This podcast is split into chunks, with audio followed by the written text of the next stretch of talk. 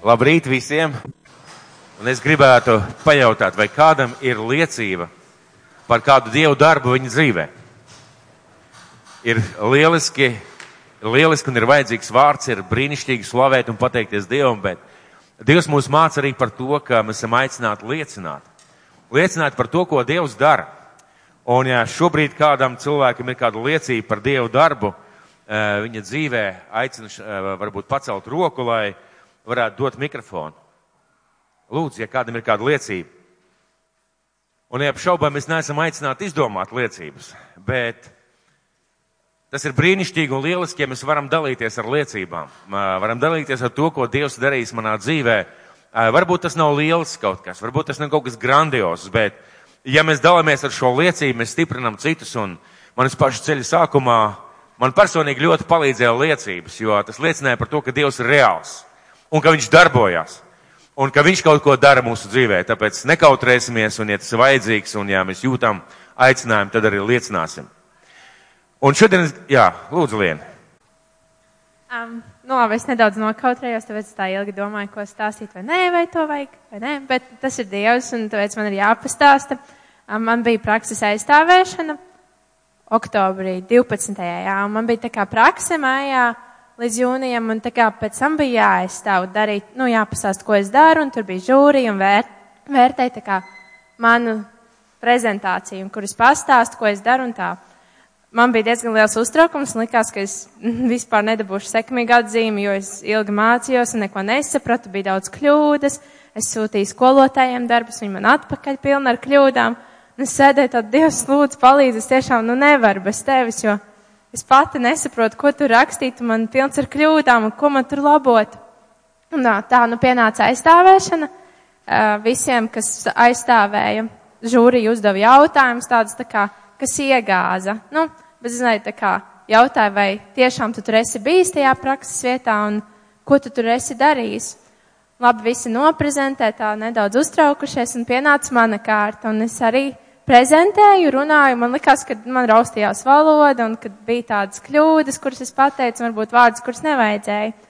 Un uh, īsnībā visu pirms tam laiku man bija tāds miers, jo es aizlūdzu Dievam, lai riktīgs miers ir tāds tā kā sirdī pirms tam, jo, nu, iziet priekšā, protams, būs uztraukums visiem cilvēku priekšā.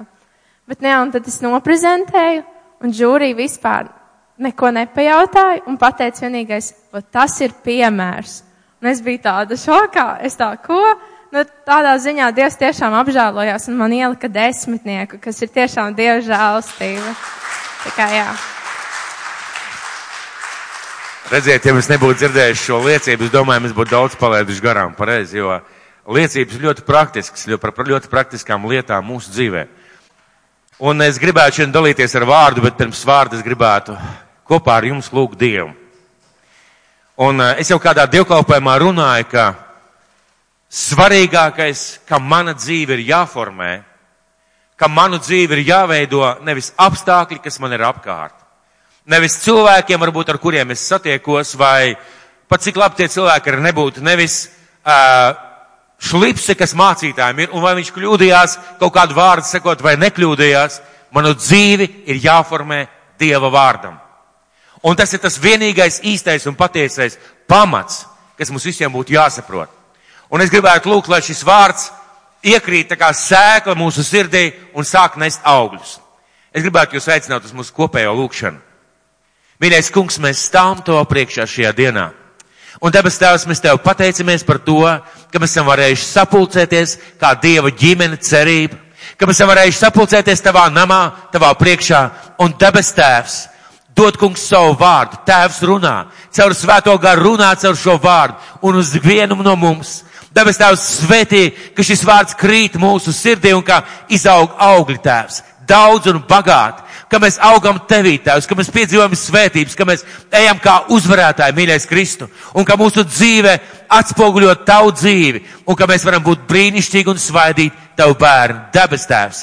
Svētī šo vārdu, svētī ikvien, kas klausīsies, Un, mīļais Dievs, lai tev gods, lai tev slava un lai tev pateicība par visu. Jēzus Kristus vārdā. Amen. Un es tiešām ticu, ka mēs kopā ar jums lūdzām. Es gribētu runāt par vārdu, ko Dievs pagājušajās nedēļās uz mani diezgan stipri runāja un pārliecināšu un diezgan stipri. Un es gribu pajautāt, vai šeit ir kāds cilvēks, kurš grib savā dzīvē atnest augļus? Paceliet droši roku. Diezgan daudz, jā. Ja? Un es gribētu jūs aicināt paturiet paceltu šo roku garīgi. Nevajag turēt fiziski, bet garīgi paceliet šo roku. Man žēl, ja kāds cilvēks nepacēla.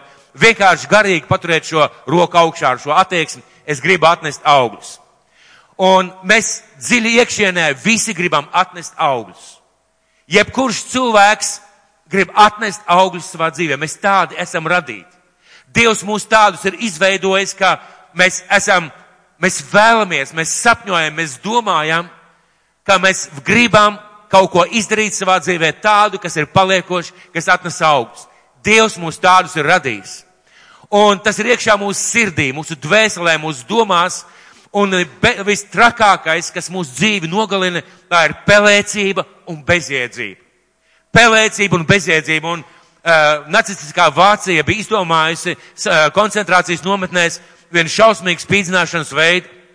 Ziniet, ko viņi lika darīt vīriešiem? Rakt bedri un mest ciet. Un šis te vingrinājums, fiziskā nodarbošanās ļoti ātri nogalināja šos cilvēkus, jo tā bija pilnīga bezjēdzība. Un ja mūsu dzīve ir bezjēdzīga, tā sagrauj mūs, sēd pelnos un mūsu dzīve vienkārši zaudē savu jēgu. Un nav vecuma, kad nebūtu iespējams nest augļus. Nav apstākļu, kad nav iespējas nest augļus. Nav ne vecuma, ne apstākļu, nekādu nosacījumu, kad cilvēks nespētu nest augļus. Esmu pilnīgi par to pārliecināts. Un eh, jūs ziniet, pirms lieldienām parasti runā par palmu svētdienu. To sauc par palmu svētdienu, par pupolu svētdienu, par zaļo svētdienu, svētdienu kā, nu kurš, kā nu kurš to saka. Un eh, šajā svētdienā nu, notika kāda interesanta lieta. Šajā dienā notika kāda interesanta lieta. Tā nebija svētdiena, tā bija ceturtdiena, bet šajā dienā notika kāda interesanta lieta. Jēzus iejāja Jeruzalemē uz ezelīša, cilvēki ir pilni sajūsmas, viņi klāja, viņi klāja šos te, klāja, klāja, teiksim, palmas, drēbes, viņi izrāda pilnīgi sajūsmu, viņi kliedz, viņi ir sajūsmināti un sauc Oziāna, kas nāk tā kunga vārdā, ap, apkārt valda brīnišķīga sajūsma un visi cilvēki ir sajūsmināti, gaida tūlīt, tūlīt parādīsies Dieva valstība un Jēzus paņems un kļūs par, par valdnieku, par troņa mantinieku un sāks valdīt. Un visā šajā lietā, visā šajā notikumā notiek kādas interesantas lietas, par kurām es gribētu lasīt. Bet starp tiem, kas bija atnākuši svētkos, lai pielūgtu, bija daži grieķi. Tie atnāca pie Filipa, kas bija no Betsaidas Galilejā, un viņu lūdza, kungs, mēs gribam Jēzu redzēt. Filips iet pie Andrēja, lai viņam to sacītu. Andrejs un Filips nāk un saka to Jēzum, Bet Jēzus atbild viņiem, ir pienākusi stunda, kad cilvēku dēls to pagodināts. Patiesi, patiesi es jums saku, ja kviešu grauds nekrīt zemē un nemirst, viņš paliek viens. Bet ja viņš mirst, viņš nes daudz augļu. Kas savu dzīvību tur mīļu, tam tā zūd. Bet kas savu dzīvību šī pasaulē ienīst, tas to paglabās mūžīgai dzīvei. Ja kāds man grib kalpot, tas, tad, tad lai viņš sako man, jo kur es esmu, tur būs arī mans kalps. Un ja kāds man kalpos, to mans tēvs cels godā. Tas ir Jāņa, Jāņa evaņģēlijas 12. nodaļa. Sākot no 20. līdz 26. pantam, jūs varat atšķirt savās bībelēs. Jāņa evaņģēlijas 12. nodaļa no 20. līdz 26. pantam. Atšķiriet savās bībelēs un mēģiniet sekot līdzi, ja mēs runāsim pantu pa pantam, vārdu pa vārdam. Jēzus koncentrētā veidā runā par savu dzīvi un savu aicinājumu. Viņš nesaka, ka es tagad tieku pagodināts un es tagad svinēšu. Viņš atklāja tos garīgos principus un garīgos iemeslus, kā viņš tiks pagodināts un ko atnesīs šī viņa pagodināšana un kādā veidā šī viņa pagodināšana notiks. Un tikpat koncentrēti Kristus runā par kristiešu aicinājumu un par kristiešu dzīvi. Viņš runā līdzību, viņš runā līdzību un viņš saka tādu vārdu. Patiesi, patiesi jums saku, ja kviešu grauds nekrīt zemē un nemirst, viņš paliek viens. Bet ja viņš mirst, viņš nes daudz augļu. Un man šeit ir kviešu graudi, kviešu vārpi. Un ja es runāju par kādu graudu, ja es runāju par kādu graudu, un viņš saka, ja kviešu grauds, konkrēta lieta, kviešu grauds, nekrīt zemē, ja viņš netiek iestādīts zemē, ja šis kviešu grauds netiek iestādīts zemē, ja viņu neiestāda zemē, ja viņš nekrīt zemē, viņš paliek viens. Bet ja viņš krīt zemē, viņš atnes daudz augļu. Jēzus ļoti skaidri parāda, dzīvība ir šajā sēklā. Šajā vienā mazajā sēkliņā ir dzīvība. Bet šī dzīvība nekad nevar izlausties ārā. Šī dzīvība nekad nevar dot augļus, nekad nevar izveidot šādu skaistu vārpu, ja šis grauds ne, neiekrīt zemē un viņš nesapūst, neaiziet bojā un neizdara jaunu dzīvību. Tikai tad, kad grauds ir zemē iekritis, kad viņš sapūst, viņš nes dzīvību. Dzimst kaut kas jauns, jauna dzīvība. Mēs zinām, ka tas ir parasti nākušās vārpas. Bet grauds parasti atdodot savu dzīvību, viņš pats sapūst. Viņš aiziet bojā. Un mēs iestādījām tikko vienu kviešu graudu, kas kādu laiku augs, un es ticu, ka pēc kādu laiku mēs ieraudzīsim, kā viņš būs izaudzis. Un es gribētu runāt par šo līdzību. Un sāksim varbūt ar šo 24. pantu, skatīsimies vārdu pa vārdam. Patiesi, patiesi, es jums saku, ja es divreiz atkārto patiesi, viņš ir kā apstiprina šo garīgo principu. Ja, un vārds ja. Vārds ja nozīmē nav cita varianta. Nav citu variantu. Mums cilvēkiem gribētos, mums cilvēkiem gribētos, ka ir kādi citi varianti, bet Dievs ir gudrs, visgudrs, viņš visu zina, viņš saprot, un visi garīgie principi klausa viņam, viņš pats ir radījis. Un viņš saka, ja, ja grauds nekrīt zemē, viņš paliek viens. Šis vārdiņš, ja, un mēs, kristieši, esam šie kvieša graudi. Viņš runāja par savu dzīvi, un viņš runāja arī par mums. Mēs, kristieši, esam šie dieva, dieva graudi, šie graudi šajā pasaulē. Un Dievs šajā, Dievam šajā pasaulē nav citas sēklas. Dievam šajā Dieva radītajā pasaulē nav citas sēklas kā tikai Dieva bērni un viņa bērni, viņa kristieši. Un mēs esam tik dažādi. Kāds teiks, es varbūt neesmu kā kviešu grauds, un tad tas uz mani neatiecās, bet man šeit ir mieži un man šeit ir auzas. Varbūt tu esi auza, varbūt tu esi miezas. Mēs esam tik dažādi, bet jebkurā gadījumā princips paliek tas pats. Vai auza, vai mieži, vai kvieši, ja grauds nekrīt zemē, ja viņš netiek iestādīts, viņš paliek viens un viņš neatnes augļus. Ko nozīmē nekrīt zemē? Ko nozīmē nekrīt zemē? Nekrīt zemē nozīmē, ka tajā vietā, ko, kur Dievs grib tevi redzēt. Tajā vietā, kur Dievs grib tevi redzēt. Tajā valstī. Tajā pilsētā, tajā sabiedrības daļā, tajā ģimenē, tajā kalpošanā, tajā aicinājumā, kurā Dievs tevi grib redzēt. Ja tu kritīsi smiltīs vai ja tu kritīsi ūdenī, tu neatnesīsi augļus. Dievs saka, tajā zemē, kur Dievs tevi grib redzēt, vai tajā zemē, uz kuru Dievs tevi ved.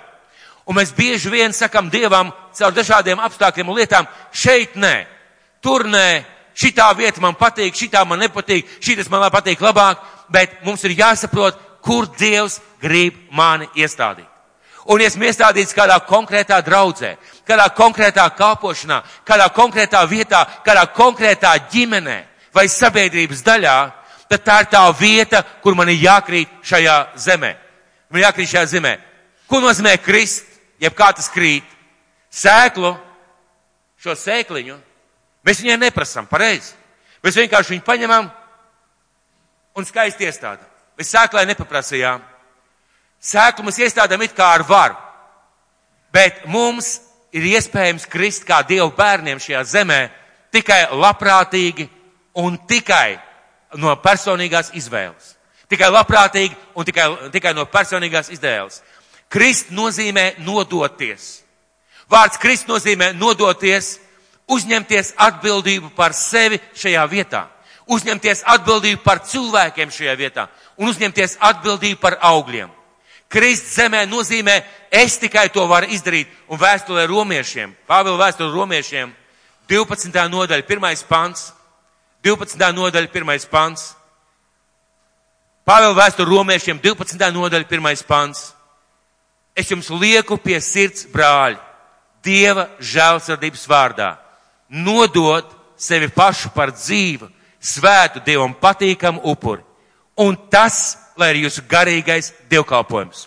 Nav iespējams, ka tev kāds pierunā, tu kaut ko dari, ka tu nomirsti tajā vietā. Nav iespējams, ka kāds tevi ar varu iestāda. Tā ir jābūt tavai izvēlei, brīvprātīgi un labprātīgi. Un šajā vietā, kad mēs lasām par romiešiem, mēs zinām, ka upuri, kad uzliec uz altāru, kad tu gribi viņu upurēt, viņam ir tendence dzīvam upurim ir norāpties no altāra. Šim graudam, ja viņš ir dzīvs, un ja viņš nav izvēlējies, es kritīšu šajā zemē un atdošu savu dzīvību, viņš noteikti rāpsies ārā. Viņš kāps ārā no šī podziņa, jo upuris, jeb šis grauds, ir dzīves. Jautājums tālāk, kāpēc krist? Kāpēc man jākrīt, kāpēc man jāmirst, kāpēc man jānododās? Izšķir visu motivāciju. Izšķir visu, izšķir motivāciju. Kāpēc man jānododas? Kāpēc man jākrīt? Kāpēc man kaut kas jādara? Kāpēc es kalpoju? Kāpēc esmu kopā ar šiem cilvēkiem? Kāpēc es panesu grūtības? Kāpēc es atdodu savu dzīvi, laiku un visu pārējo? Ir dažādi motīvi. Ir dažādi motīvi, kāpēc cilvēki to dara. Piemēram, ģimenē. Un uh, jaunas meitenes precās ar jauniem puišiem, dažādi apsvērumi, dažādi iemesli. Viņš ir pietiekami gudrs. Viņš ir smuks. Viņš ir izdarīgs. Viņš ir turīgs es esmu drošībā un pats galvenais viņš vēl ir ticīgs.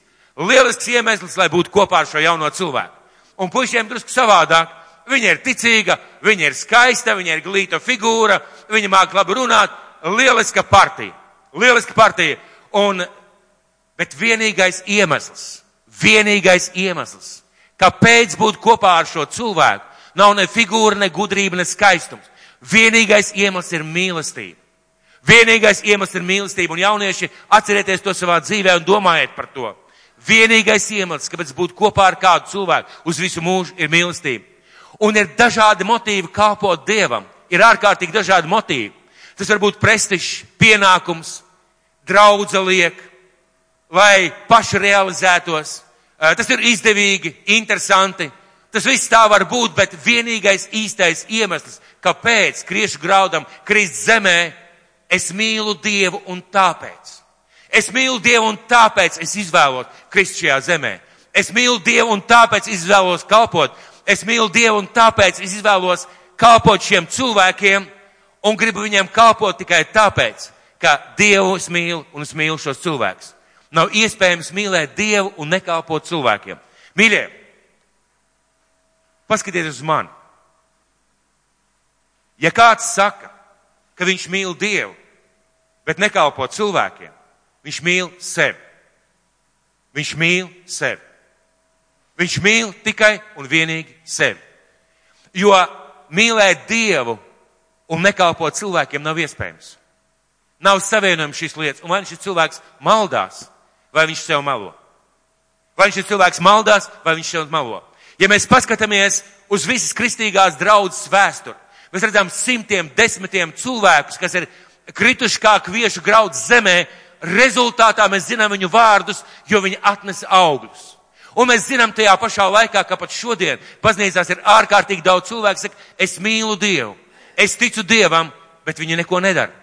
Viņi nekalpo cilvēkiem un līdz ar to nekalpo Dievam. Bet ja jūs pajautāsiet, viņš teiks, es mīlu Dievu. Nav iespējams. Šīs divas lietas nav iespējams, jo, ja tu mīli Dievu, tu mīli cilvēkus. Ja tu mīli cilvēkus, tu viņiem kalpo un tu kaut ko dari šo cilvēku labā. Vai nu cilvēks maldās, vai viņš melo. Ir grūti kalpot, ja nemīli Dievu. Ir neiespējami nomirt, pat nomirstot, ja tu nemīli. Pat nomirstot, tu vari nomirt. Un nomirstot, tu vari nenomirt. Ko tas nozīmē? Tas nozīmē, kā Pāvils rakstīja vēstulē romiešiem, ja es visu savu mantu izdalītu un savu miesu atdotu sadedzināšanai, Ja man nav mīlestības, tas man nelīdz neniek. No ārpuses izskatīsies ārkārtīgi dievbīgi, labi, skaisti, brīnišķīgi. Bet ja tava iekšā nav iemesls, ja motivācija, kāpēc tu to dari, un ja tas nav mīlestība, pavelti, pat nomirstot, tu nenomirsти priekš sevis. Un tu nenomirstot priekš, priekš sevis, tu nenomirsti priekš cilvēkiem, rezultātā tu neatnes augļus. Ja cilvēks nekalpo vai kalpo ne ar sirdi, vainīgs nav nespēks un vainīgs nav vecums. Un vainīgs nav izglītības trūkums vai nevarēšana, vainīgs ir viens iemesls - mīlestības trūkums. Viens iemesls - mīlestības trūkums, ja mēs varam paskatīties uz Jēzus dzīvi. Bet tā skatīsimies tālāk. Bet atgriežamies atpakaļ pie Jāņa evaņģēlī 12. nodaļas 20. panta. Bet, ja viņš mirst, tad, bet, ja viņš mirst, nododās, priekš kā šis cilvēks mirst, priekš kā šis grauds mirst, jeb atsakās. No kā viņš atsakās, no kā atsacīties? No dzīves priekš sevis. No dzīves priekš sevis, priekš savām vajadzībām, priekš savām rūpēm, priekš savas zudīšanās. No dzīves, kas vērstas uz sevi. Mīļie, cilvēks var būt brīnišķīgs ģimenes cilvēks. Cilvēks pat var daudz ko darīt. Cilvēks pat var daudz ko darīt, rīkoties vai kalpot pat draudzē. Bet, bet, ja viņš to dara sautīgu iemeslu dēļ, ja viņš to dara priekš sevis vai lai paši realizētos, tas nav tas, par ko Jēzus runāja. Un cilvēkam ir jāiemācās iedzīvot, nedzīvot priekš sevis. Un bieži vien ir tāda nepareiza teoloģiska mācība, ka Dievs, ja tu gribi nomirt priekš sevis un dzīvot priekš Dieva un dzīvot priekš cilvēkiem, tev jāatsakās no visa labā. Nav jāatsakās no labā, priecīgā, jautrā, skaistā, interesantā. Tie ir kristīgie maldi. Ja es nekad nav pateicis, ja tu būsi nabaks, tu būsi svētīts. Ja es nekad nav pateicis, ja tev kritīs ārā zobi un tev būs sauras zeķes, tu būsi svētīts Dieva bērns. Ja es nekad nav pateicis, ja tev nebūs ko samaksāt eh, nodokļus vai rēķinus, tu būsi svētīts Dieva bērns. Nekad. Ja es pateicu drusku savādāk par visām šīm lietām, un tie ir kristīgie maldi. Dievs nesaka atteikties no prieka, no smiekliem, no, no atpūtas, no vajadzīgām lietām, bet no tā, kas aizkavē tavu nodošanos. Bet no tā, kas aizkavē tavu krišanu zemē un tavu nodošanos, jo krist zemē nozīmē nodoties un velk tevi nost, atteikties no tā, kas velk tevi nost no tava aicinājuma, kas stājās ceļā tevi, kas tevi novirz no šī ceļa un neļauj nodoties, atteikties no tām lietām. Jo reizēm arī interesantais un skaistais mūs velk atpakaļ. Interesantais un skaistais. Man personīgi bija diezgan liels pārsteigums par kristīgo ticību, kad es kļuvu ticīgs, man, mēs braucām ar draugiem ar laivām, dažādas interesantas lietas darījām, un, protams, ka tas bija svētdienās. Un es domāju, ka daudziem cilvēkiem tā ir bijis. Protams, ka tas bija svētdienās. Un tad, kad es noticēju Dievam, es pēkšņi sapratu, ka svētdienas man ir aizņemtas. Es svētdienās vairs nevaru doties ar draugiem un pamazām mūsu draudzību un pazīšanās izplēnē, jo viņi to darīja parasti svētdienās un sestdienas vakaros, un es to nevarēju darīt. Un man vajadzēja apzināti atteikties varbūt no šīm draugu kopā būšanām vieniem dēļ. Svētdiena pieder Dievam un es eju uz baznīcu. Tātad nomirt nozīmē atteikties no tā, kas tev velk atpakaļ, kas stājās ceļā, kas neļauj nodoties Un daudz lietas ir labas un daudz ir sliktas. Reizēm ir lietas, kas tev kavē nodoties tavam aicinājumam, tavai kalpošanai, tavai ģimenei, tavai atbildībai un tavai draudzei. Ir lietas, kas kalpo, kas kavē tev personīgi. Nodoties šīm lietām. Vienkārši viņas ir. Viņas pastāv. Un kas tas ir? Tas ir sliktas lietas. Ir sliktas un labas lietas, kas ir interesanti.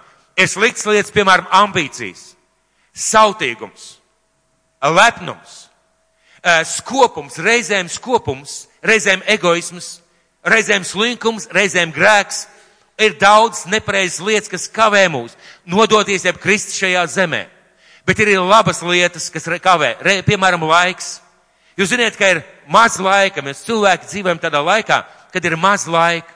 Maz laika un laiks ārkārtīgi steidzās, un tev laiks ir saplānots, tev laiks ir kaut kādā veidā sadalīts, un tev priekš tavas kalpošanas Dzīve dara visu, lai tevi spiest projām no tā. Dzīve dara visu, lai spiest tev projām no tava laika, no tavas atbildības, no tavas kalpošanas, un ir tik viegli pateikt, man nav laika. Tik viegli pateikt, man nav laika. Iespējas. Reizēm tās ir iespējas. Reizēm tās ir iespējas, ko dzīvi mums diedot, kas neļauj kalpot un aicina darīt mums tās lietas, ko Dievs mums ir paredzējis. Tā varbūt ir izklaide vai atpūta, vai hobijs, vai manas personīgās intereses, mani plāni, mana karjera. Reizēm tās ir pat labas lietas, Dieva svētīts, Dievu paredzētas lietas, bet tu vari ieraudzīt, kā viņas stum tevi projām no nodošanās tam, ko Dievs tev aicina. Viņas tev stum projām, mēģina aizstumt projām, un tu saproti, kā tev ir jāizvēlās. Un no tām lietām tas nozīmē, ka jāmirst vai jācikās. Un ziniet, mirt ir grūti. Nodoties ir grūti, un mirt ir grūti. O, jo miršana, jau nodošanās, tevi spiedīs meklēt Dieva gribu. Tevi spiedīs meklēt Dieva gribu priekš tavas dzīves. Mēs, dra, mēs kā draudzi katru gadu sākam ar nedēļu gavēni. Pirmā, otrā, trešā nedēļa mēs, mēs izsludinām gavēni mūsu draudzē. Septiņas dienas, kad mēs aicinām cilvēkus gavēt un lūgt Dievu par savu šo gadu, par tām lietām, kas ir jāizdara. Ziniet, un man sāp sirds, kad es redzu šo, kādus cilvēkus pēc šīs nedēļas, un es saprotu, tas viss aizgāja garām. Cilvēks nemeklēja, cilvēks nelūdza, cilvēks negavēja. Jo viņam nav šī vēlēšanās nomirt un iestēties un kaut ko darīt. Cilvēks palaiž garām. Kalpošana vadītājiem mums ir bieži vien tāds izaicinājums, un man kā cilvēkam ir izaicinājums. Es lūdzu kalpošanu vadītājiem vienmēr uzrakstīt vīziju par šo nākošo gadu. Ko tu esi saņēmis, ko tu esi sapratis, uz ko tev Dievs aicina šajā gadā. Un man tiešām ir bēdīgi un skumīgi, kad es redzu, ka cilvēks atnes un uzrakstīts frāzes, frāzes, frāzes. Vienkārši frāzes mācītājs lik, es kaut ko uzrakstīju. Bet patiesa nodošanās, viņa spiedīs tevi meklēt Dieva gribu. Un varbūt tas būs viens teikums, varbūt pieci teikumi, vai kādas lietas viņas spiedīs tevi meklēt Dieva gribu patiesa nodošanās, ja miršana spiedīs tevi un liks tev meklēt spēku no Dieva. Meklēt spēku no Dieva, tas meklēt laiku, lai lūgtu, lai gavētu, lai darītu visu iespējamo, lai tev būtu spēks kalpot Dievam. Šī patiesā nodošanās liks tev to darīt. Un patiesa nodošanās liks tev meklēt gudrību. Meklēt gudrību, lai kalpo tajā vietā, tajā draudzē, tajā ģimenē, tajā, tajā sabiedrības daļā, kas tev ir paredzēta un kurā tu esi. Patiesa nodošanās liks tev meklēt Dievu gribu, spēku un gudrību. Un patiesa nodošanās atnesīs sāpes un grūtības. Šis punkts, es domāju, ka nevienam īsti nepatīk. Nevienam īsti nepatīk. Patiesa nodošanās vienmēr atnesīs sāpes un atnesīs grūtības. Vai jūs dzirdat mani, vai jūs man varat piekrist? Vienmēr. Patiesa nodošanās vienmēr atnesīs sāpes un grūtības. Un mums ir jāzina, tev ir jāzina, man ir jāzina, ka būs grūtības, ka būs grūti, ka būs izaicinājumi. Un ja es nekad neteicu, viss būs skai, pa skaisto un viss būs brīnišķīgi. Kad viņš pats runā par savu nāvu, viņš patiesībā runā par sevi kā par šo kviešu graudu. Un viņš runā par mums kā par šiem kviešu graudiem. Viņš saka, būs grūti, un būs cīņas, un nebūs viegli. Bet nebaidīsimies no sāpēm. To, ko es gribētu pateikt, nebaidies no miršanas sāpēm. Nebaidies no šīm sāpēm, jo aiz šīm sāpēm ir augļi. Aiz šīm lietām ir rezultāts, un tie augļi tev patiks. Tie augļi būs brīnišķīgi, tas būs tavs dzīves augsts. Un augļi ir tā vērts. Ziniet, sajūsma pāries. Sajūsma vienmēr pāriet. Kad jauni cilvēki apracās, Pirmie pāris mēneši ir pilni sajūsmas, rozā brilles, viss ir ārkārtīgi skaisti, ārkārtīgi brīnišķīgi. Kad tās brilles nokrīt, nesākās rūktā ikdienas dzīve, tu vienkārši atklāji, ka viss nav tik skaisti, kā likās. Tu atklāji, ka tagad tev ir jānomirst priekš savām kādām ambīcijām vai lietām. Tu pēkšņi atklāji, ka tu nevari darīt vairs to, ko tu gribi.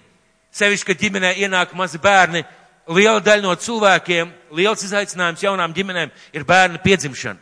Jo tad ir jāsāk no kaut kā pa īstam atteikties. Un ja pirms tam mēs sestdienas vakaros kopā kaut kur braucām, mēs pa nedēļu kaut kur braucām, bija jautri, jauki un nebija nekādu rūpju, tagad ir kāda maza dzīvība, par ko jārūpējās. Un māmas zina, ko nomirt priekš sevis. Māmas bieži zina, ko nomirt priekš sevis. Un ja es skaidri pateicu, ja kviešu grauds nekrīt zemē, un ja viņš nenomirst, viņš neatnes augļus. Mums ir jāzina, ka nebūs viegli un ka būs sāpīgi. Būs grūtības un sarežģītas situācijas. Būs šīs sarežģītās situācijas. Būs specifiski izaicinājumi tieši priekš tavas dzīves. Un būs vilšanās. Un būs vilšanās lietas, kas tev neizdosies. Būs šīs vilšanās un lietas, kas neizdosies. Bet zini, ka Jēzus ir klāt. Viņš ir blakus. Viņš palīdzēs, jo viņš ir miršanas idejas autors. Mēs to neizdomājām. Mēs tādā veidā šo pasauli neradījām. Dievs radīja graudus. Dievs radīja šos graudus. Dievs radīja cilvēku, un viņš deva šo garīgo principu, ka bez nāves nav jaunas dzīvības. Viņš deva šo garīgo principu, ka bez nomiršanas nav iespējams atnest augļus. Un Jēzus ir miršanas idejas autors. Ja mēs neesam nodevušies Dievam, ja neesam nodevušies ģimenei un savai kalpošanai, mēs kāpsimies atpakaļ. Mēs kāpsimies atpakaļ no tām sāpēm, problēmām un grūtībām. Mēs kāpsimies atpakaļ un mēs domāsim, kāpēc man tas vajadzīgs. Priekš kā man tas manā dzīvē, man vieglāk bija varbūt, ka nebūtu kopā ar Dievu. Varbūt man vieglāk bija tāpat, varbūt vieglāk bija neuzņemties, kāds tas muļķis, ka es uzņēmos, kāpēc es to darīju. Mēs rausim ārā tās saknes šim graudām. Nē, tā es ne, nebiju domājis. Rezultātā mēs neatnesīsim augļus. Iedomājieties, ja šo graudu, šo graudu, ko es šodien iestādīju, ja es viņu pēc divām dienām rautu ārā un tā gada garumā, viņš nekad neatnest augļus. Viņš vienmēr palika tāds pats, kā viņš bija. Varbūt viņš sapūt, bet viņš neatnest augļus. Mēs raujam ārā sap, sa, augļus, šīs te e, saknes, un tādā veidā mēs nevaram atnest augļus. Mums nevajag visu pieņemt. Mums nevajag ar visu samierināties, un Dievs mūs ir aicinājis par cīnītājiem. Bet būs lietas, kas mums sāpēs. Un tev tas ir jāzina. Būs lietas, kas mums sāpēs. Bet, ja es teicu šajā pašā laikā, viņš teica kādu interesantu līdzību, viņš teica, kas liek roku pie ārkla un skatās atpakaļ, tas nav derīgs debesu valstībai. Viņš teica ļoti skaidri, kas liek roku pie ārkla, kas sāk kaut ko darīt, kas uzņemās kaut ko, un ne jau vienkārši kaut ko, bet to, ko Dievs viņam aicina darīt, un skatās atpakaļ, Viņš teica, tas nav debesu valstības vērts. Tas cilvēks nevar atnest augļus. Ja viņš skatās laiku atpakaļ un saka, kāpēc es to darīju, un Jēzus vienmēr būs blakus. Mums ir skaidri jāzina visās šajās situācijās, Jēzus vienmēr būs blakus. Lasīsim tālāk. Bet, ja viņš mirst, bet, ja viņš mirst, nododās, viņš nes daudz augļu. Dievs ir apsolījis. Dievs ir apsolījis, ka viņš tavā dzīvē, ka viņš tavā raksturā, tavās spējās, tavās emocijās, tavā garīgajā situācijā, viņš ir apsolījis, ka viņš ir ielicis jaunu dzīvību. Viņš to ir ieprogrammējis un viņa tur ir. Un vienalga, kāds tu izskaties, vienalga, kā tev liekas, vienalga, kāds tev sajūts, tev ir jāzina. Ja tu nomirsti priekš sevis, tu atnesīsi daudz augļu. Viņš nesaka, ka tu neatnesīsi, jo tu nebiji sagatavots, tu nebiji kvalificēts, tu nebiji tāds, kā vajadzēja. Nē, viņš saka, tu atnesīsi daudz augļus. Es jau minēju, ka šī nomiršana, viņa spiež mūs darīt trīs lietas. Meklēt Dievu gribu, kas tad man ir jādara. Otram kārtām meklēt Dieva spēku. Man ir vajadzīgs spēks Dievs no tevis to darīt. Un trešā lieta - meklēt gudrību. Gudrību savam aicinājumam un savai kalpošanai. Kas ir auglis? Viņš ir apsolījis, ka mēs nesīsim daudz augļu. Un sēklā.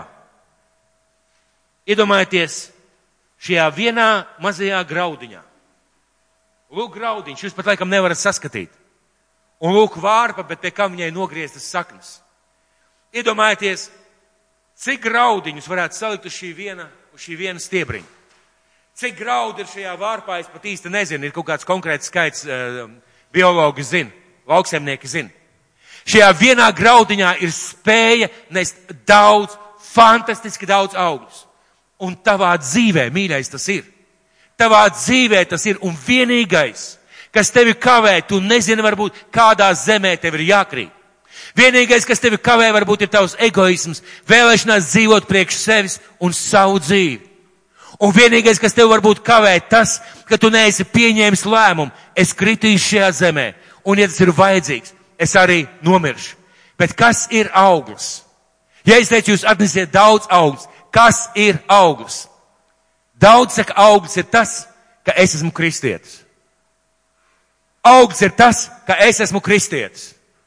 Augsts ir tas, ka man tādas īpašas sajūtas slavēšanas vakarā vai pielūgsmes vakarā vai slavēšanas laikā es piedzīvoju īpašu Dievu klātbūt, es eju Dievu klātbūt. Man ir īpašas sajūtas, esmu Dievu bērns.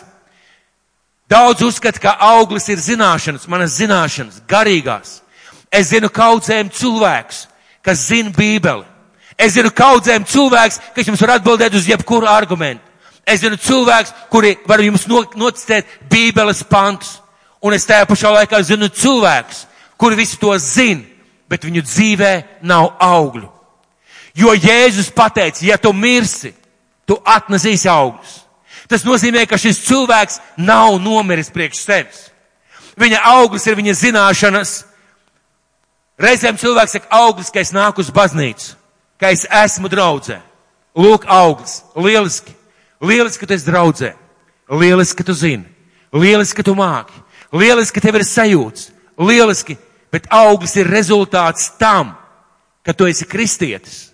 Auglis ir rezultāts tam, ko tu jūti. Auglis ir rezultāts tam, ko tu zināji. Auglis ir rezultāts tam, ko tu darīji un kādā veidā tu kalpoji. Tas ir auglis. Daudzās draudzēs sēž cilvēki, kurš saka, esmu kristietis, man ar to pietiek, slava Dievam, es kalpoju Dievam. Mīļie, ja jūs paskatīsieties Bībelē, jūs ieraudzīsiet skaidru niansu. Ticība Dievam tā ir dāvana, bet mūsu kalpošana Dievam ir tas, ko mēs darām priekš Dieva. Tas, kā mēs darām priekš Dieva. Tas, kāda mēs darām priekš Dieva valstības. Un e, brīnišķīgi, ka esmu kristietis. Brīnišķīgi, ka es zināju bet auglis manā dzīvē ir tas, kas ir rezultāts. Rezultāts citu cilvēku dzīvē, debesu valstībā, izmainītas dzīves, cilvēku dzīves draudz, kalpošana, izmainīta ģimene, izmainīta apstākļi, izmainītas situācijas. Paldies Dievam par tiem daudziem cilvēkiem, kas ziedoja šai apkurē. Man brīnišķīgs piemērs, ko rādīt. Mēs ziedojām šai apkurē un šobrīd man personīgi ir ļoti silti. Es nezinu, kā jums. Bet tas ir augurs. Mīļie, tas ir augurs. Mēs varējām teikt, es zinu, ka par labu naudu var nopirkt pūtējus. Es pats zinu, kur, un es pats zinu, kādu marku. Es zinu, kā jāpieliek ar kapara caurulēm, un es zinu, ka jāpieslēdz elektrība. Brāļi, māsas, lai Dievs jūs svētī, es par jums lūkšu Dievu. Bet pavisam cita lieta bija, ja mēs ziedojām, ja mēs ieguldījāmies, ja mēs darījām, Un rezultāts ir tāds, ka šodien šeit ir silts. Kāds teiks, es reklamēju apkuras sistēmu.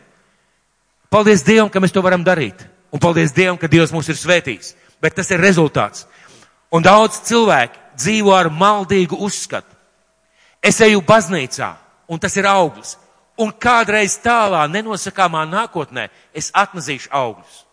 Es esmu kristietis, un kādreiz tālā, nenosakāmā nākotnē, es kaut ko darīšu priekš Dievu. Es ticu Dievam, un tāpēc tālā nenosākumā nākotnē es kādreiz kalpošu Dievam un kaut ko darīšu. Beigsim mīļie sevi mānīt. Ja tu šodien neko nedari,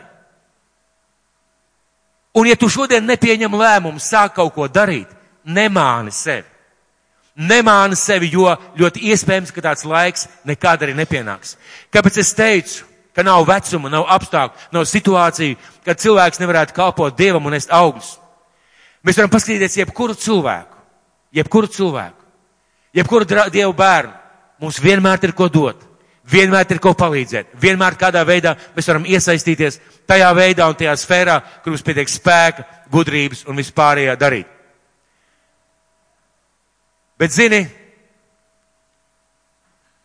mums var būt specifisks aicinājums katram vienam. Mēs bijām Tallinā ar manu sieviņu pāris nedēļas atpakaļ. Un man eh, zināmā mērā pārsteidza, pārsteidza un lika domāt par vienu lietu.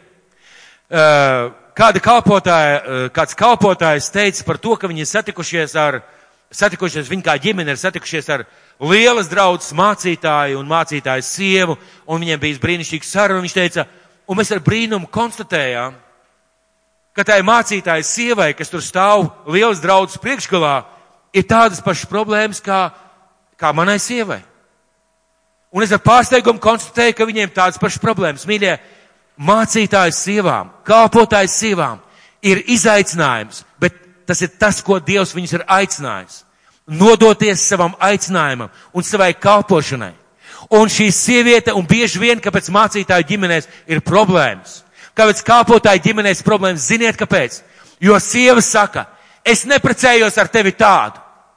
Es precējos ar tevi tādu, kāds tu toreiz biji. Tagad tev nav laika. Tagad tev cilvēkiem jākalpo. Tagad tev nav tik daudz naudas, kā, tev, kā, tev, kā man gribējās. Tagad tev nav tik skaista mašīna, un tagad varbūt tev vairs nav tik balti, nevis tik balti, bet tik tumši mati. Un tagad tu vairs neizskaties tāds, kā es tevi pieņēmu toreiz. Un ja šī kalpotāja sieva nepieņem savu kalpošanu kā mācītājas sievas kalpošanu, ja viņa kā nenomirst priekš sevis, lai dzīvot priekš šī kopdarba kā ģimene, rezultātā vienmēr būs problēmas. Ja sieva vai vīrs nenomirst priekš sevis ģimenē, vienmēr būs problēmas. Es zinu, ka ģimenēs ir dažādi. Es zinu, ka dažādas grūtības, dažādi izaicinājumi. Bet vienmēr šis jautājums, ja mēs spējam nomirt priekš sevis, mēs atnesīsim augļus. Mēs atnesīsim augļus. Un par šīm mācītājiem sievām es īpaši padomāju, kāds viņai bija pārsteigums. Kāpēc viņai bija pārsteigums, ka viņai ir grūtības, izaicinājumi un kaut kādas lietas? Tā ir tava kalpošana. Tā ir tā zeme, kur Dievs tevi ir iestādījis. Tā ir tava atbildība, kur tev jānomirst priekš sevis, lai kopā kalpotu Dievam. Es zinu, ka svētdienas skola daudziem nepatīk, un daudz negrib kalpot svētdienas skolā vienu iemeslu dēļ. Jo jābūt augšā ar bērniem kopā, kamēr šeit draudzē citi varbūt slavē, dzied, priecājās, klausās sprediķi, vēl kādas lietas, un negribās iet augšā. Nu, gribās būt kopā zālē, pareizi. Vai jūs man piekrītat? Bet tā ir tava kalpošana. Tas ir tas, kur Dievs tev ir iestādījis. Tas ir tas, kur tev jāuzņemās, kur tev personīgi, neatkarībā no tava vadītāja, ir jāmeklē Dieva griba šai svētdienas skolas stundai. Tev ir jāmeklē Dieva spēks, un tev ir vajadzīga gudrība. Un tie skolotāji, tie bībeles skolotāji, svētdienas skolotāji, tie cilvēki, kuri nemeklē šīs trīs lietas, viņi laiž garām savu dzīvi. Un viņi laiž garām savu aicinājumu. Viņi laiž garām savu dāvanu. Jo, ja tu nemeklē gudrību, piemēram, tu nemācies. Kā tu vari kalpot bērniem? Ko tu viņiem iedosi? Tu iedosi no tām čaumalām, no tām čaumalām, kas ir pāri no grauda. Jo grauds nekrita zemē. Krita čaumalas, un rezultātā nekas ir neizdīgi. Mūsu kalpošana, mūsu miršana atnes rezultātu, bet rezultāts nav tas, ko mēs domājam, jūtam vai zinām. Rezultāts tas, kas palika cilvēku dzīvē pēc mums, kas paliek cilvēku dzīvē mūsu laikā, kas paliek tajās lietās, ko mēs darām. Un bez nomiršanas un bez nodošanās. Nomiršana, vienlīdzības zīme, nodošanās nav augļu. Kā tas ir grauds? Skatieties, šeit ir graudi. Es paņemšu to pašu kviešu graudu. Šeit ir viens graudiņš. Izlobīsim vēl vienu. Šeit ir viens graudiņš, pēc tam jūs varat atnākt apskatīties. Kā jūs domājat, kāpēc viņš nav nesis augļus? Viņš nav vienkārši kritis zemē. Kāpēc mēs nenesam augļus? Mēs vienkārši neesam krituši zemē. Kāpēc mūsu dzīvē nav augļu? Mēs vienkārši neesam krituši zemē un nomiruši priekš sevis. Un ja mēs nedo, nenododamies un nenomirstam priekš sevis, mēs nevaram atnest augļus. Vai arī mēs atnesam ļoti plānus. Man uzrunāja, man uzrunāja, un man bija zinām tāda līdzība, jeb es runāju ar kādu mācītāju. Un viņam bija palīgi mācītājs, viņi kopā kalpoja. Bet es tā sapratu, ka viņiem visu laiku tādas strīdīgas situācijas, konflikti, visādas tādas neskaidrības. Un uh, es uh, tā mēģināju saprast un uh, ne jau izjautāt, bet tā mēģināju saprast, kur ir tas iemesls. Un ziniet, ko viņš man pateica? Kad es skatos uz savu palīgu mācītāju, es neredzu viņā mirdzošas acis par draudz. Šeit es neredzu viņā mirdzošas acis par draudz. Ja Dievs neredz tavas mirdzošās acis par tavu ģimeni, ja Dievs neredz tavas mirdzošās acis par Dieva darbu, ja Dievs neredz tavas mirdzošās acis par cilvēkiem, tu nenesīs augļus un tu neesi nomiris. Diemžēl mēs dzīvojam paši priekš sevis. Mēs dzīvojam priekš sevis, priekš savām idejām, savām ambīcijām. Es domāju, kādā dienā par, par Jēzus saka, kas nav uzticams pie mazuma, tam es nevaru iedot daudz, tas nav uzticams pie lieluma. kas nav, nav uzticams pie mazām lietām, nebūs uzticams pie lielām lietām. Un zin, ko, ziniet, ko es sapratu? Jēzus. Ziniet, ko viņš dara? Viņš staigā mūsu vidū un visiem iedod pa mazai lietai. Visiem iedod pa mazai lietai. Pa mazai lietai, speciāli. Un viņš gaida, un viņš skatās, vai šī mazā lieta mūsu rokās atdzīvosies. Viņš skatās, vai šīs mazās lietas dēļ mēs būsim gatavi kaut kādā veidā nomirt. Viņš skatās, vai mēs esam gatavi ar to, ko viņš mums ir iedevis, kaut ko darīt. Un ja mēs darām, viss virzās pamazām, it kā nenoteikti, te pašā laikā mērtiecīgi. Dievs mums iedod arvien vairāk, vairāk un vairāk. Un ja šī mazā lieta, ko Dievs mums iedod, mums izrādās nesvarīgi, ja šie mazie bērni, es nezinu, kalpošanas, vienalga, kas mūsu dzīvē ir, ja izrādās nesvarīgi, rezultāts tāds, ka Dievs mums nevar iedot neko vairāk. Un ja mēs nemirstam, un ja neatnesam augļus, ja mēs nomirstam un ja mēs atnesam augļus, mums ir jāzina, ka mums būs alga. Tev ir jāzina, ka tev būs alga. Un šeit 25. pantā, kas savu dzīvību tur mīļu, tam tā zūd. Bet kas savu dzīvību šī pasaulē ienīst, jeb zaudē, jeb nomirs priekš sevis, tas to paglabās mūžīgai dzīvei. Un 26. pants. Ja kāds man grib kalpot, tad lai viņš seko man, kur es esmu. Tur būs arī mans kalps. Ja kāds man kalpos, to mans tēvs cels godā. To mans cel, tēvs, mīļotais tēvs, cels godā. Ko tas nozīmē? Tas nozīmē, ka Dievs atmaksās. Tev ir jāzina, ka tava nomiršana nav vienkārši pavelt. Ka tā nebūs cilvēciska atmaksa, ka cilvēki tev varbūt pat reizēm neatmaksās. Un cilvēki pat varbūt reizēm nenovērtēs. Bet tev ir jāzina, ka tavs tēvs tev to atmaksās. Un tieši tāpat, ja es runāju arī par nenodošanos, 24. pants, palasīsim vēlreiz. Patiesi, patiesi jums saku, ja kviešu grauds nekrīt zemē un nemirst, viņš paliek viens. Lūk, jums ir iemesls, kāpēc daži cilvēki nevar apprecēties. Lūk, jums ir iemesls, kāpēc daži jauni, vecāki cilvēki nevar atrast sev otro pusīti. Ziniet, kāpēc? Vienmēr tas otrs nav tik labs. Vienmēr tas otrs nav tāds pilnīgs, kā man gribētos. Un nomirt priekš sevis, lai papildinātu šo cilvēku, ir ārkārtīgi grūti. Un cilvēki paliek vieni paši. Es nezinu, vai jūs atceraties no Daniela grāmatas. Daniela grāmatā ir kāda brīnišķīga atklāsme, ko Daniels redzēja par pēdējiem laikiem. Kad es sapratu šo atklāsmi, tas mani zināmā mērā šokēja. Un, raksta, un šeit Daniels raksta, ka viņš redzēja pēdējo laiku ķēniņu valsti. Un viņi bija no māla un no metāla. No māla un no metāla. Un tās bija kājas, kāju pirksti. Bet kas bija īpaši mālam un metālam? Rakstīts, ka metāls ar mālu nesavienojās. Viņi bija kopā, bet viņi nesavienojās. Un rakstīts, ka tas notika cilvēku dzīvē, ģimenēs, draudzēs. Cilvēki dzīvoja priekš sevis. Viņi bija kopā, bet viņi dzīvoja priekš sevis.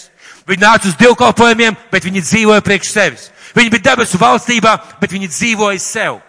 Viņi nekad nesavienojās viens ar otru. Viņi nesavienojas ar Dievu, un tad rakstīts, ka es redzēju akmeni no kalna veļamies. Un ziniet, kur mums ar jums ir jābūt, mīļie draugi? Mums ir jābūt tajā akmenī. Nevis tajos pirkstos, kas nesavienojās. Mums ir jābūt tajā akmenī, kas vēlās no kalna. Jēzu Kristu. Jo tā viņš rakstīts, ka viņš novēlās un ka viņš satriec šo valstu. Kas savu dzīvību tur mīļu. Kas savu dzīvību tur mīļu. 25. pants. Tam tā zūd. Kas savu dzīvību šī pasaulē ienīst, tas to paglabās mūžīgai dzīvē. Ja kāds man grib kalpot, tas tā, lai viņš sako man, jo kur es esmu, tur būs arī mans kalps. Un ja kāds man kalpos, to mans tēvs cels godā. Kas savu dzīvību tur mīļu, tam tā zūd. Man liekas, ka skaidrāk nevar saprast.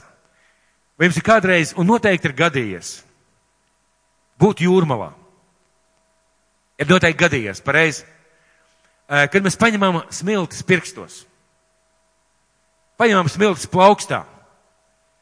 Un, kad mēs mēģinām kaut kā pavērst pirk, pirkstus vaļā vairāk vai kaut kā pakustināt roku, šis smiltis mums vienkārši izbirst cauri pirkstiem. Un ziniet, ko Jēzus šeit saka? Ka savu dzīvību tur mīļu. Viņš cenšas turēt savās rokās. Viņš cenšas saspiest, viņš cenšas neatdot, viņš cenšas mīlēt, viņš cenšas, lai tā pieder viņam un darīt to, ko viņš ieplānojis un gribējis.